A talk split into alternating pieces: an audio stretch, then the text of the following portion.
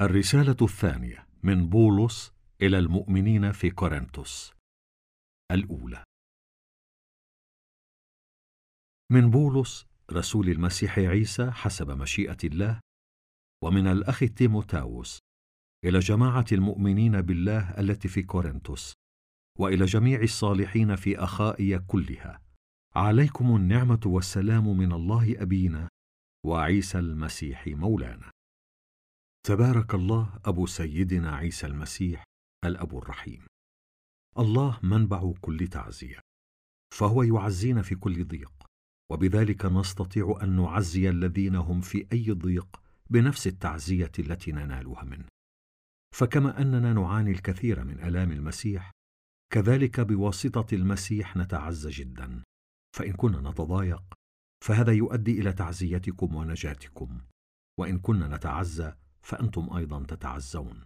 وهذا يساعدكم لتحتملوا بصبر نفس الآلام التي نتألم بها نحن. وإن أملنا فيكم ثابت لأننا نعلم أنكم تشتركون معنا في الآلام وأيضا في التعزية. ونريد أن نذكركم أيها الإخوة بالضيق الذي أصابنا في آسيا فإنه كان ثقيلا جدا وفوق طاقتنا لدرجة أننا يئسنا من الحياة بل شعرنا أننا محكوم علينا بالإعدام. وقد حدث ذلك لكي لا نتكل على أنفسنا بل على الله وحده الذي يقيم الموتى فهو أنقذنا من خطر ذلك الموت الرهيب وما زال ينقذنا الآن ولنا أمل فيه أنه سينقذنا أيضا. وأنتم تساعدوننا بالدعاء لنا فيستجيب الله دعاء كثير من الناس ويباركنا مما يجعل الكثيرين يحمدونه من أجلنا. نحن نفخر بهذا وضميرنا يشهد لنا أننا نسلك مع الجميع وخاصة معكم أنتم بأمانة وإخلاص من عند الله. وهذا بفضل نعمة الله لا بحكمة بشرية.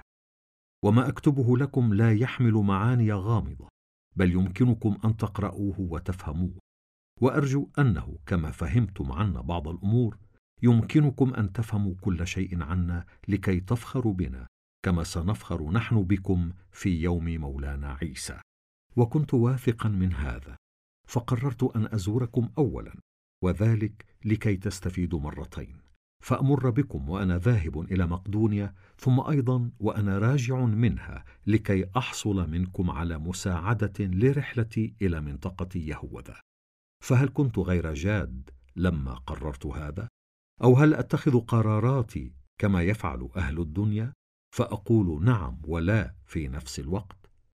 يشهد الله لنا حسب أمانته أن كلامنا معكم لم يكن نعم ولا في نفس الوقت.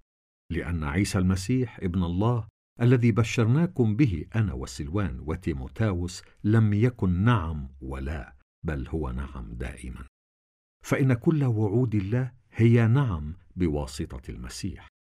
وبواسطته نحن نسبح الله عندما نقول آمين. الله هو الذي يثبتنا جميعا في المسيح.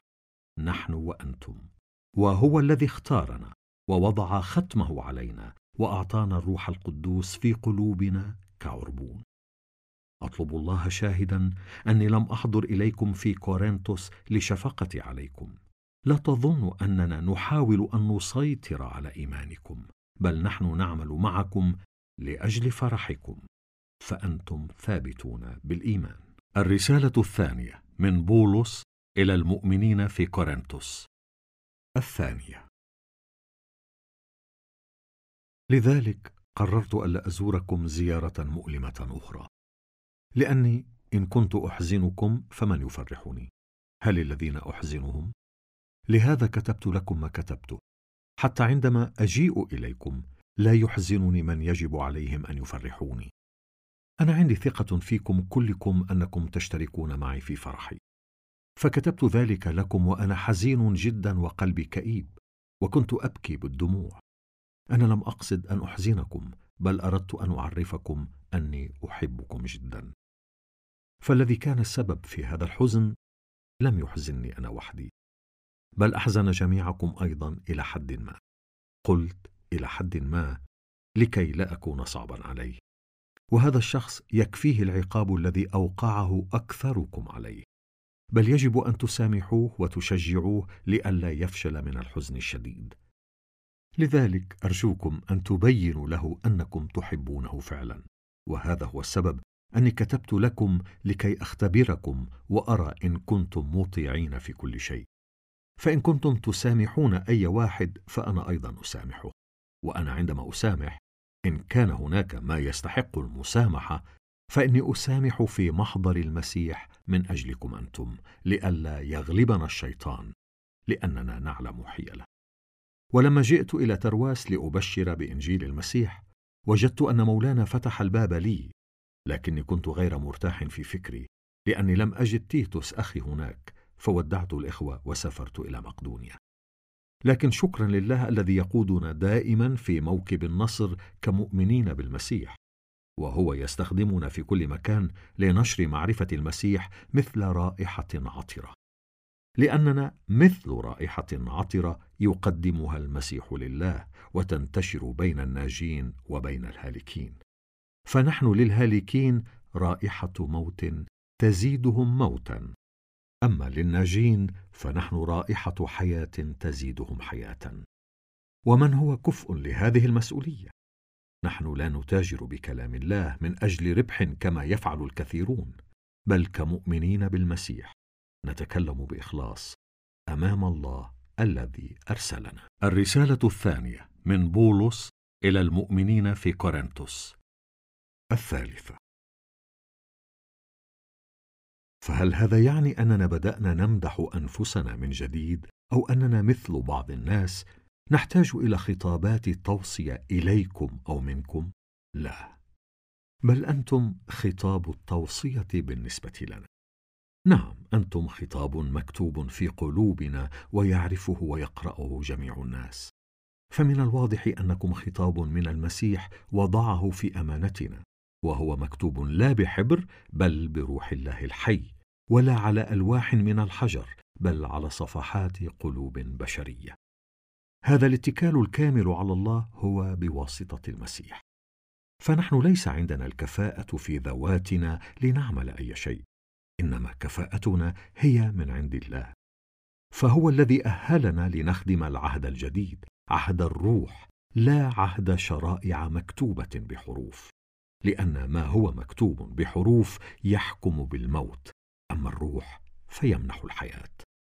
فالشريعة كانت مكتوبة بحروف منقوشة على حجر وجاءت مصحوبة بجلال لدرجة أن بني إسرائيل لم يمكنهم أن ينظروا إلى وجه موسى لجلال طلعته مع أنه جلال زال فيما بعد.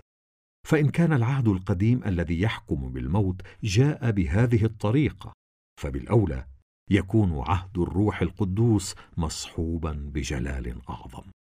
أي إن كان العهد الذي يحكم على الناس بالعقاب جاء مصحوبا بجلال فإن العهد الذي يجعلهم صالحين عند الله يكون مصحوبا بجلال أعظم. وما كان له جلال في الماضي لا جلال له الآن بالمقارنة مع هذا الجلال الذي يفوقه بكثير لأنه إن كان غير الباقي له جلال فإن الباقي يكون له جلال أعظم. وبما أن عندنا هذا الأمل فنحن نتكلم بثقة. وليس مثل موسى الذي كان يضع غطاء على وجهه لكي لا يرى بنو إسرائيل ذلك الجلال وهو يختفي. فإن عقولهم أصبحت بليدة لأن ذلك الغطاء ما زال موجودا إلى يومنا هذا عندما يقرؤون كتاب العهد القديم. وهو لا يرفع إلا بواسطة الإيمان بالمسيح. فإلى يومنا هذا عندما يقرؤون توراه موسى الغطاء موجود على قلوبهم. لكن عندما يهتدي الشخص إلى المولى يرفع الغطاء. والكلمة المولى هنا تعني الروح. وحيث يكون روح المولى فنحن أحرار وبلا غطاء على الوجه. لذلك كلنا نعكس جلال الله مثل مرآة لأن الروح يغير حياتنا لتعبر عن طبيعة الله فيزيد جلاله فينا. الرسالة الثانية من بولس إلى المؤمنين في كورنثوس. الرابعة. وبما أن الله في رحمته كلفنا بهذه المهمة لذلك لا نيأس. بل نبذنا كل ما يعمل في الخفاء وكل ما يجلب العار. ولا نستعمل الخداع ولا نحرف كلام الله بل نعلن الحق بوضوح فيمدحنا الناس في قلوبهم أمام الله. ولكن إن كان الإنجيل الذي نبشر به غامضا فهو غامض بالنسبة للهالكين فقط لأن سيد هذه الدنيا أعمى عقول غير المؤمنين لكي لا يروا نور البشارة التي تبين جلال المسيح الذي هو التعبير الصادق عن طبيعة الله. فنحن لا نبشر بأنفسنا بل بأن المسيح عيسى هو مولانا. أما نحن فخدام لكم من أجل عيسى لأن الله الذي أمر أن يشرق نور من الظلام أشرق بنوره في قلوبنا لكي نعرف جلال الله الذي في شخص المسيح. ونحن مجرد آنية من فخار تحوي هذا الكنز. وهذا يبين أن هذه القوة العظيمة هي من الله لا منا. فنحن نواجه الصعوبات من كل ناحية لكننا لا ننهار. نحتار في مشاكلنا لكننا لا نيأس. يضطهدنا الناس لكن الله لا ينسانا. يضربوننا لكننا لا نتحطم. ودائما نحمل في جسمنا موت عيسى. بذلك تظهر حياته أيضا في جسمنا لأننا نحن أحياء لكننا نتعرض للموت دائما من أجل عيسى لكي تظهر حياة عيسى أيضا في جسمنا الفاني. اذا فالموت يعمل فينا والحياة تعمل فيكم. ونحن فينا نفس روح الإيمان الذي يذكره الكتاب في الآية آمنت. لذلك تكلمت. فنحن أيضا نؤمن لذلك نتكلم. ونعلم أن الله الذي أقام مولانا عيسى من الموت سيقيمنا نحن أيضا مع عيسى ويأتي بنا معكم إلى حضرته. كل هذا من أجلكم. فكلما وصلت نعمة الله إلى عدد أكبر من الناس يزيد الشكر الذي يقدم لجلال الله. لهذا لا نيأس. ومع أن كياننا الخارجي هو في طريقه إلى الفناء لكننا من الداخل نتجدد يوما بعد يوم لأن الضيق الذي نواجهه هو بسيط ومؤقت لكنه يهيئ لنا جلالا ابديا عظيما يفوق. اذا نحن لا ننظر إلى الأمور التي نراها بل إلى الأمور التي لا نراها لأن الذي نراه مؤقت أما الذي لا نراه فأبدي. الرسالة الثانية من بولس إلى المؤمنين في كورنثوس. الخامسة. نحن نعلم أنه إن انهدمت الخيمة التي نعيش فيها هنا على الأرض أي جسمنا البشري فإن الله عنده دار لنا في السماء بيت أبدي لم تصنعه يد إنسان. وبينما نحن في هذه الخيمة فإننا نئن ونشتاق أن نلبس فوقها البيت السمائي لأننا إذا لبسناه لا نكون عريانين. فما دمنا في هذه الخيمة نحن نئن تحت حمل ثقيل لأننا لا نريد أن نخلع البيت الأرضي بل أن نلبس فوقه السمائي لكي تبلع الحياة ما هو مائت فينا. الله هو الذي أعدنا لهذا القصد نفسه. وهو أعطانا الروح القدوس كعربون لكل هذا. لذلك نحن دائما عندنا ثقة ونعلم أنه ما دمنا نسكن في هذا الجسم فإننا نقيم بعيدا عن المسيح. ونحن نعيش بالإيمان وليس حسب ما نراه بالعين. اذا عندنا ثقة ونفضل أن نترك هذا الجسم ونقيم عند المسيح. وهدفنا هو أن نرضيه سواء كنا مقيمين هنا أو هناك. لأنه لابد أن نظهر كلنا أمام كرسي محكمة المسيح لكي ينال كل واحد جزاء ما عمل في حياته خيرا كان أو شرا. نحن نعرف مخافة المسيح. لذلك نحاول أن نقنع الآخرين. إن الله يعرفنا على حقيقتنا. وأرجو أنكم أنتم أيضا تعرفوننا في قلوبكم على حقيقتنا. نحن لا نعود نمدح أنفسنا لكم. بل نعطيكم فرصة لتفخروا بنا لكي يمكنكم أن تجاوبوا على الذين يفخرون بالمظاهر الخارجية لا بما في القلب. فإن كنا مجانين فنحن مجانين في سبيل الله. وإن كنا عقلاء فنحن عقلاء من أجلكم أنتم. فإن محبة المسيح تسيطر علينا. ونحن ندرك أنه إن كان واحد مات من أجل الجميع اذا فالجميع ماتوا أيضا. والسبب في أنه مات من أجل الجميع هو أن يعيش الذين يحيون لا لأنفسهم فيما بعد بل للذي مات وقام من أجلهم. اذا من الآن تقديرنا للآخرين ليس حسب مقاييس الناس. وحتى إن كنا فعلنا هذا مع المسيح من قبل فإن تقديرنا له الآن ليس حسب مقاييس الناس. إن كان واحد ينتمي للمسيح فهو خليقة جديدة. راح القديم وجاء الجديد. كل هذا يعمله الله الذي صالحنا مع نفسه بواسطة المسيح وكلفنا بمهمة أن نصالح الآخرين معه. أقصد أن الله صالح العالم معه بواسطة المسيح ولم يحسب أخطاءهم ضدهم. ثم استأمننا نحن على الرسالة التي بها نصالحهم معه. اذا نحن سفراء المسيح وكأن الله نفسه يرجوكم بواسطتنا. فبالنيابة عن المسيح نحن نتوسل إليكم تصالحوا مع الله. فالمسيح الذي لم يرتكب ذنبا صار ضحية عن ذنوبنا لكي نكون مقبولين عند الله بواسطته. الرسالة الثانية من بولس إلى المؤمنين في كورنثوس. السادسة.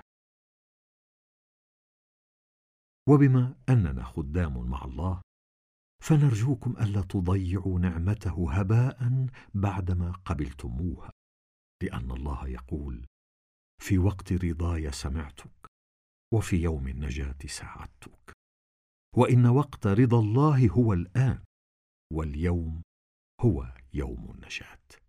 نحن لا نعمل ما يعثر الآخرين لكي لا يلحق الخدمة لوم بل في كل الظروف نبين أننا فعلا خدام الله فنحتمل الضيق والألم والعذاب والضرب والسجن والاضطراب والعمل الشاق بلا نوم ولا أكل. وأيضا نبين أننا خدام الله بطهارة الحياة والمعرفة والصبر واللطف وبالروح القدوس وبالمحبة الخالصة وبالكلام الصادق وبقوة الله وبأسلحة الصلاح للهجوم والدفاع سواء نكرم أو نهان سواء نمدح أو نلام. يعاملنا الناس كمضلين مع أننا صادقون وكمجهولين مع أننا معروفون وكموتى مع أننا أحياء وكمعاقبين مع أننا غير مائتين وكحزانه مع أننا دائما فرحون. وكفقراء مع أننا نغني الكثيرين وكأن لا شيء لنا مع أننا نملك كل شيء. يا أهل كورنثوس الأعزاء لقد كلمناكم بصراحة وفتحنا قلوبنا لكم. نحن لا نمنع عواطفنا من نحوكم. إنما أنتم الذين تمنعون عواطفكم من نحونا. أقول لكم هذا باعتبار أنكم أولادي. عاملون كما نعاملكم. وافتحوا قلوبكم أنتم أيضا لنا. لا تكن لكم رابطة مع غير المؤمنين. هل يتفق الصلاح مع الشر؟ وهل يتحد النور مع الظلام؟ وهل يتحالف المسيح مع إبليس؟ فكذلك المؤمن لا يشترك مع غير المؤمن وبيت الله لا يقبل الأصنام. بيت الله الحي هو نحن كما قال الله. إني أسكن فيهم وأسير معهم وأكون إلههم وهم يكونون شعبي. لذلك اخرجوا من بينهم واتركوهم. هذا كلام الله. لا تمسوا ما هو نجس فأقبلكم وأكون أبا لكم وأنتم تكونون أبنائي وبناتي. هذا كلام المولى القدير. الرسالة الثانية من بولس إلى المؤمنين في كورنثوس. السابعة. أيها الاحباء بما أن هذه الوعود هي لنا اذا يجب أن نطهر أنفسنا من كل ما ينجس الجسم والروح ونحيا حياة صالحة في مخافة الله. أفسحوا لنا مكانا في قلوبكم. نحن لم نظلم أحدا ولم نؤذي أحدا ولم نستغل أحدا. لا أقول هذا لكي ألومكم. فأنا قلت لكم من قبل إن لكم مكانة خاصة في قلوبنا لدرجة أننا على استعداد أن نموت أو نعيش معكم. أنا عندي ثقة كبيرة فيكم وأفخر بكم جدا. فمع كل المصاعب التي تواجهنا أنا ممتلئ عزاء وقلبي يفيض بالفرح. فإننا لما حضرنا إلى مقدونيا لم يعرف جسمنا الراحة ابدا بل كنا في ضيق من كل جهة. نزاع في الخارج وخوف في الداخل. لكن الله الذي يعزي البائسين عزانا بمجيء تيتوس. وليس فقط بمجيئه بل أيضا بالعزاء الذي ناله منكم. فهو أخبرنا عن شوقكم الي وأسفكم على ما حدث وتحمسكم في صفي فزاد فرحي جدا. ومع أني أحزنتكم بخطابي فأنا لا أندم على هذا الآن. أنا ندمت لما عرفت أنه أحزنكم إلى حين. أما الآن فأنا فرحان لا لأنكم حزنتم بل لأن حزنكم قادكم إلى التوبة. أنتم حزنتم بحسب مشيئة الله. لذلك نحن لم نسبب لكم أي أذى لأن الحزن الذي بحسب مشيئة الله ينتج توبة تؤدي إلى النجاة وليس عليه ندم. أما الحزن الذي تسببه الدنيا فيؤدي إلى الموت. فانظروا نتائج حزنكم الذي بحسب مشيئة الله. أنتم أخذتم الموضوع بجدية واعتذرتم عما حدث وغضبتم وانزعجتم ثم ظهر شوقكم إلي وولاؤكم لي وعاقبتم المذنب. وفي كل هذا أظهرتم أنكم أبرياء من هذا الأمر. فالخطاب الذي بعثته لكم لم يكن من أجل الظالم ولا حتى من أجل المظلوم. بل كان قصدي هو أن أبين لكم أمام الله أنكم تهتمون بنا فعلا وهذا جعلنا نتعزى. لكن بالإضافة إلى أننا تعزينا فقد فرحنا أكثر بفرح تيتوس لأنكم جميعا أرحتم روحه. فأنا افتخرت بكم لتيتوس وأنتم لم تخجلوني في هذا. وكما أن كل ما قلناه لكم هو حق فالآن اتضح أن افتخارنا بكم لتيتوس أيضا هو حق. كما أن محبته لكم أقوى لأنه يتذكر كيف أنكم كنتم كلكم مطيعين وأنكم رحبتم به باحترام وخوف. فأنا فرحان لأني أستطيع أن أثق بكم في كل شيء. الرسالة الثانية من بولس إلى المؤمنين في كورنثوس. الثامنة. ونريدكم أيها الإخوة أن تعرفوا عن نعمة الله التي أعطاها لجماعات المؤمنين في مقدونيا. فإنهم كانوا في محنة صعبه وضيق شديد لكن قادهم فرحهم الغامر وفقرهم المدقع ليعطوا بكرم عظيم. أنا أشهد لهم أنهم تبرعوا على قدر طاقتهم وفوق طاقتهم وفعلوا ذلك من تلقاء أنفسهم. وتوسلوا إلينا بإلحاح أن يكون لهم نصيب في التبرع لمساعدة المؤمنين. فعملوا أكثر مما كنا نتوقع منهم لأنهم أعطوا أنفسهم اولا للمسيح ثم لنا بمشيئة الله. وهذا هو السبب أننا طلبنا من تيتوس أن يكمل عندكم هذا العمل الصالح كما بدأ. وبما أنكم أغنياء في كل شيء في الإيمان والكلام والمعرفة وفي كل اجتهاد وفي محبتكم لنا لذلك يجب أن تكونوا أغنياء في نعمة العطاء أيضا. أنا لا أقصد هذا كأمر بل أحدثكم عن الآخرين المجتهدين في العطاء لكي أختبر صدق محبتكم. أنتم تعرفون نعمة سيدنا عيسى المسيح فهو الغني لكنه صار فقيرا من أجلكم. لكي تصيروا أنتم أغنياء بفقره. فهذا هو رأيي في الموضوع وهو لمصلحتكم. أنتم في العام الماضي كنتم أول من رغب في تقديم المساعدة وأول من قدمها فعلا. فالآن كملوا هذا العمل فيتناسب التنفيذ مع الحماس والرغبة وأعطوا مما عندكم. لأنه إن كان الحماس موجودا فالله يقبل ما نقدمه حسب ما عندنا. فهو لا يطلب ما ليس عندنا. أنا لا أقصد أن يكون غيركم في رخاء وأنتم في عوز بل أن تكون هناك مساواة. فاليوم أنتم في رخاء ويمكنكم أن تساعدوهم في حاجتهم وفي يوم آخر يكونون هم في رخاء ويمكنهم أن يساعدوكم في حاجتكم. بذلك تكون هناك مساواة. كما يقول الكتاب الذي جمع كثيرا لم يفضل عنه شيء والذي جمع قليلا لم ينقصه شيء. الحمد لله الذي وضع في قلب تيتوس أن يهتم بكم مثلي. فلما طلبنا منه أن يذهب إليكم رحب بالطلب. بل وأكثر من ذلك هو ذاهب إليكم بحماس كبير ومن تلقاء نفسه.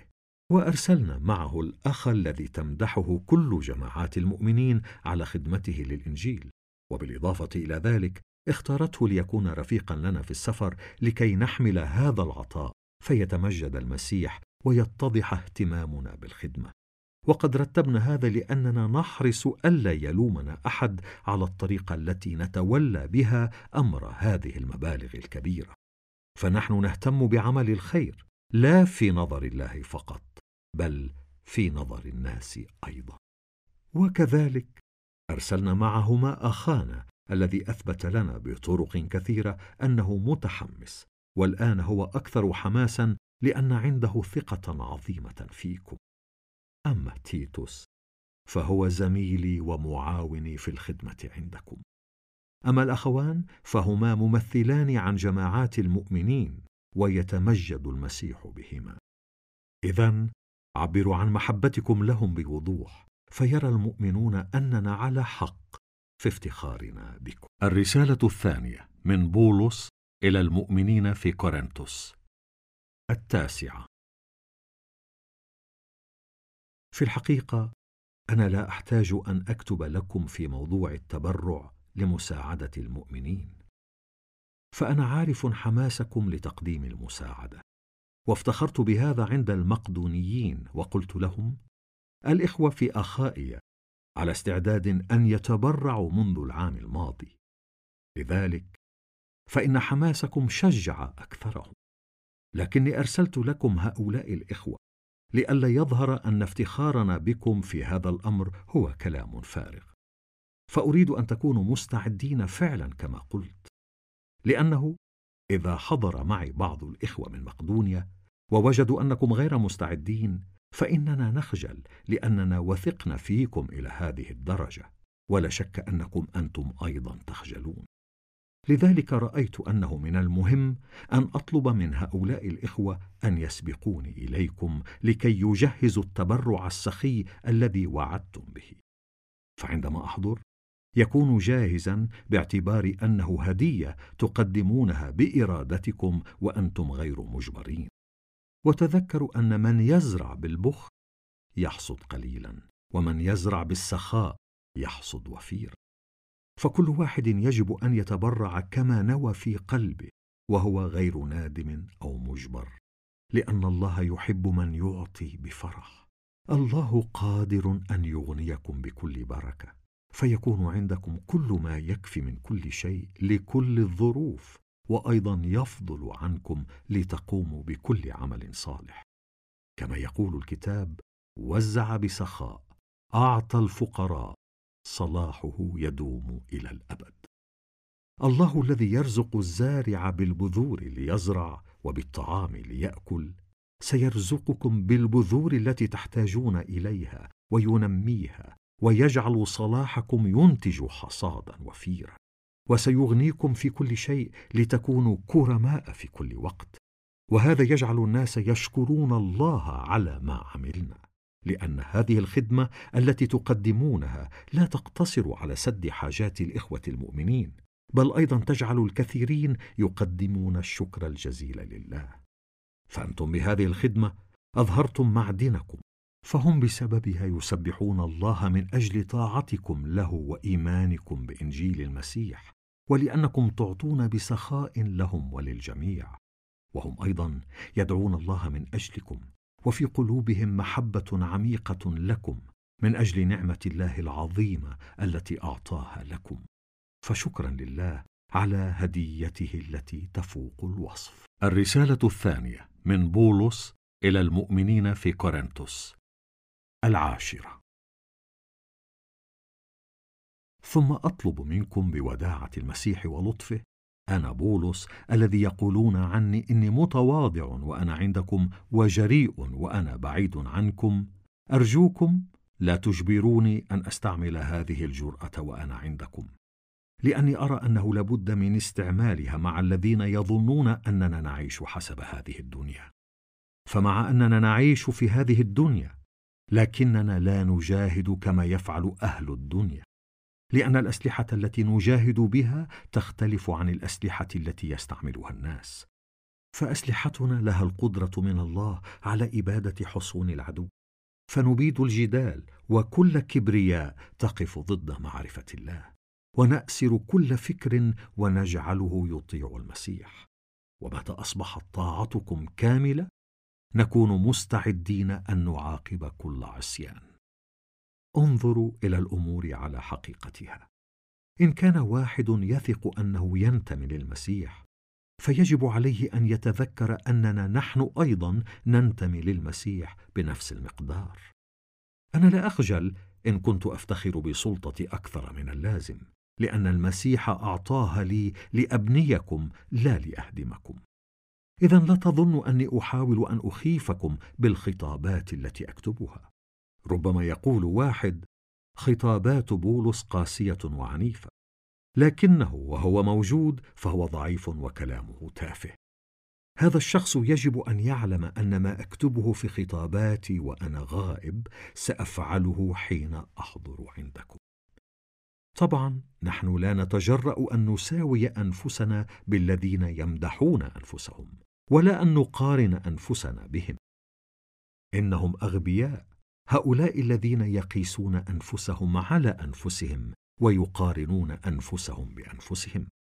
أما نحن فلا نفخر بما يتعدى حدودنا الخاصة. إنما نقصر افتخارنا على المجال الذي قسمه الله لنا. وهذا المجال يشملكم أنتم أيضا. لو لم نكن بشرناكم بالإنجيل لكان فخرنا بكم مبالغة منا. لكننا فعلا بشرناكم بإنجيل المسيح. فنحن لا نتعدى حدودنا لنفخر بما عمله غيرنا. بل كما نرجو أن يزيد إيمانكم كذلك نرجو أن مجال خدمتنا بينكم يمتد جدا. فنبشر بالإنجيل في بلاد أخرى غير بلادكم دون أن نفخر بما تم عمله في مجال خدمة غيرنا. بل كما يقول الكتاب من أراد أن يفتخر فليفتخر بالمولى فليس من يمدح نفسه يكون مقبولا بل من يمدحه الله. الرسالة الثانية من بولس إلى المؤمنين في كورنثوس. الحادية عشر. أرجو أن تحتملوا مني بعض الغباء. أنا عارف أنكم تحتملون فعلا. إني أغير عليكم غيرة هي من الله. لأني خطبتكم للمسيح لأزفكم له مثل عذراء طاهرة لرجلها الواحد. لكني أخاف أن تضل عقولكم عن ولائكم وإخلاصكم للمسيح مثل حواء التي خدعتها الحية بمكرها. لأنكم على أتم الاستعداد أن تقبلوا إن كان واحد يأتي إليكم ليبشركم بعيسى آخر غير الذي بشرناكم به. أو لتنالوا روحا آخر غير الذي نلتموه أو لتقبلوا انجيلا آخر غير الذي قبلتموه.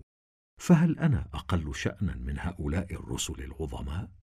لا أظن حتى إن كنت غير فصيح في الكلام لكني غير ناقص في المعرفة ونحن أوضحنا هذا لكم في كل وقت وبكل طريقة. فهل أخطأت بأني بلغتكم بشرى الله مجانا فأنزلت من مقامي لكي يرتفع مقامكم؟ كانت هناك جماعات أخرى تعولني فكأني سلبتهم هم لكي أخدمكم أنتم. ولما احتجت إلى شيء وأنا عندكم لم أثقل على أي واحد فيكم لأن الإخوة الذين حضروا من مقدونيا أعطوني ما كنت أحتاج إليه فلم أثقل عليكم ولن أثقل ابدا. أؤكد لكم حسب حق المسيح الذي في لن يقدر أحد في بلاد اخائيه أن يضيع علي هذا الفخر. لماذا؟ هل لأني لا أحبكم؟ الله يعلم أني أحبكم. بل سأستمر في عمل ما أعمله الآن لكي لا أعطي فرصة للذين يريدون فرصة ليظهروا أنهم مساوون لنا في الأمور التي يفخرون بها. هؤلاء هم رسل كذبة. عمال غير أمناء ويظهرون كأنهم رسل المسيح ولا عجب لأن الشيطان نفسه يظهر وكأنه ملاك نور. فليس من الغريب إذن أن يظهر خدامه وكأنهم خدام الصلاح لكن ستكون نهايتهم حسب أعمالهم. أكرر مرة أخرى يجب ألا يظن أحد أني غبي. أما إن كنتم تظنون أني غبي اذا فاقبلوني كغبي لكي أفتخر ولو قليلا. فما أقوله الآن ليس من المسيح بل أتكلم مثل واحد غبي عنده الجرأة أن يفتخر. لأن كثيرين يفتخرون بامتيازاتهم الدنيوية. فلماذا لا أفتخر أنا أيضا؟ لا شك أنكم أنتم العقلاء تحتملون الجهلاء بسرور. نعم أنتم تحتملون إن كان واحد يستعبدكم. أو يستغلكم أو يسلبكم أو يستعلي عليكم أو يلطمكم على الوجه. وإني أعترف بخجل أننا كنا ضعفاء فلم نعمل هذا معكم. لكن بما أني أتكلم بغباء فكل ما يريد أن يفتخر به هؤلاء فأنا أيضا أفتخر به. هل هم عبرانيون؟ فأنا أيضا. هل هم من بني إسرائيل؟ فأنا أيضا. هل هم من نسل إبراهيم؟ فأنا كذلك. هل هم خدام المسيح؟ أقول كمجنون أنا أحسن منهم. فقد تعبت أكثر منهم وسجنت أكثر منهم وجلدت أكثر منهم وتعرضت للموت أكثر منهم. خمس مرات جلدني اليهود في كل مرة تسعا وثلاثين جلدة. ضربت بالعصي ثلاث مرات. رجمت بالحجارة مرة. تحطمت بي السفينة ثلاث مرات. قضيت يوما كاملا بنهاره وليله في عرض البحر. في أسفار عديدة واجهت مخاطر من أنهار ومخاطر من لصوص مخاطر من يهود ومخاطر من غير يهود مخاطر في المدن ومخاطر في القفار مخاطر في البحر ومخاطر من إخوة كذبه في تعب ومشق وفي سهر بلا نوم قاسيت من الجوع والعطش وقلة التغذية ومن البرد ومن قلة الملابس وبالإضافة إلى كل هذا هناك انشغالي اليومي بمسؤولية كل جماعات المؤمنين. من يضعف وأنا لا أضعف معه. من يقع في الخطيئة وأنا لا أحترق من الحزن عليه. إن كان لابد من الافتخار فإني أفتخر بالأمور التي تبين أني ضعيف. الله أبو سيدنا عيسى تبارك إلى الأبد يعلم أني لا أكذب. حاكم دمشق الذي يعمل تحت سلطة الملك الحارث أمر بحراسة مدينة دمشق لكي يقبض علي. لكن الإخوة وضعوني في قفة وأنزلوني من نافذة في السور وهربت منه. الرسالة الثانية من بولس إلى المؤمنين في كورنثوس. الثانية عشر. لابد لي أن أفتخر ومع أن هذا لا ينفع لكني سأحدثكم الآن عن رؤى المسيح وإعلاناته لي. أعرف رجلا ينتمي للمسيح. ومنذ أربع عشرة سنة خطف إلى السماء الثالث. فهل كان بجسمه أم بغير جسمه؟ لا أعلم. الله يعلم. وإني أكرر أنا لا أعلم إن كان بجسمه أو بغير جسمه. الله يعلم. إنما أعلم أن هذا الرجل خطف إلى الجنة. وسمع أشياء لا يمكن التعبير عنها ولا يجوز لإنسان أن يتحدث بها. أنا أفتخر بهذا الرجل ولا أفتخر بنفسي إلا بضعفي. ولو أردت أن أفتخر لا أكون غبيا لأني أقول الحق. لكني سأمتنع لئلا يظن أحد أني أعظم مما يرى في أو يسمع مني. ولكي لا أتكبر بسبب روعة هذه الإعلانات أعطيت شوكة في جسمي. رسولا من الشيطان ليعذبني لئلا أتكبر. فتضرعت إلى المسيح ثلاث مرات أن يأخذها عني. لكنه قال لي نعمتي تكفيك لأن قوتي تبلغ كمالها فيك وأنت ضعيف. اذا بكل سرور أفتخر بضعفي لكي تحل علي قوة المسيح. فمن أجل المسيح أفرح بالضعف والإهانة والضيق والاضطهاد والمشقة. لأني حين أكون ضعيفا أكون قويا. أنا تصرفت كغبي. أنتم أجبرتموني على هذا. كان يجب عليكم أن تمدحوني لأني لست أقل شانا من هؤلاء الرسل العظماء. حتى وإن كنت لا أساوي شيئا. وبرهنت لكم على أني رسول بالآيات والعجائب والمعجزات التي عملتها بينكم بكل صبر. فهل عاملتكم بأسوأ مما عاملت الجماعات الأخرى؟ إلا طبعا في أني لم أثقل عليكم بشيء. أرجو أن تسامحوني على هذا الظلم. أنا مستعد الآن أن أزوركم للمرة الثالثة ولن أثقل عليكم. فأنا أريدكم أنتم لا ما عندكم.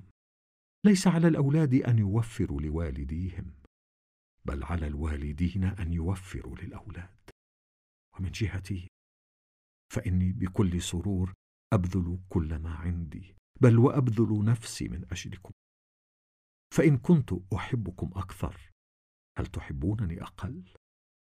ربما تقولون إني لم أثقل عليكم لكني كمحتال سلبتكم بمكر.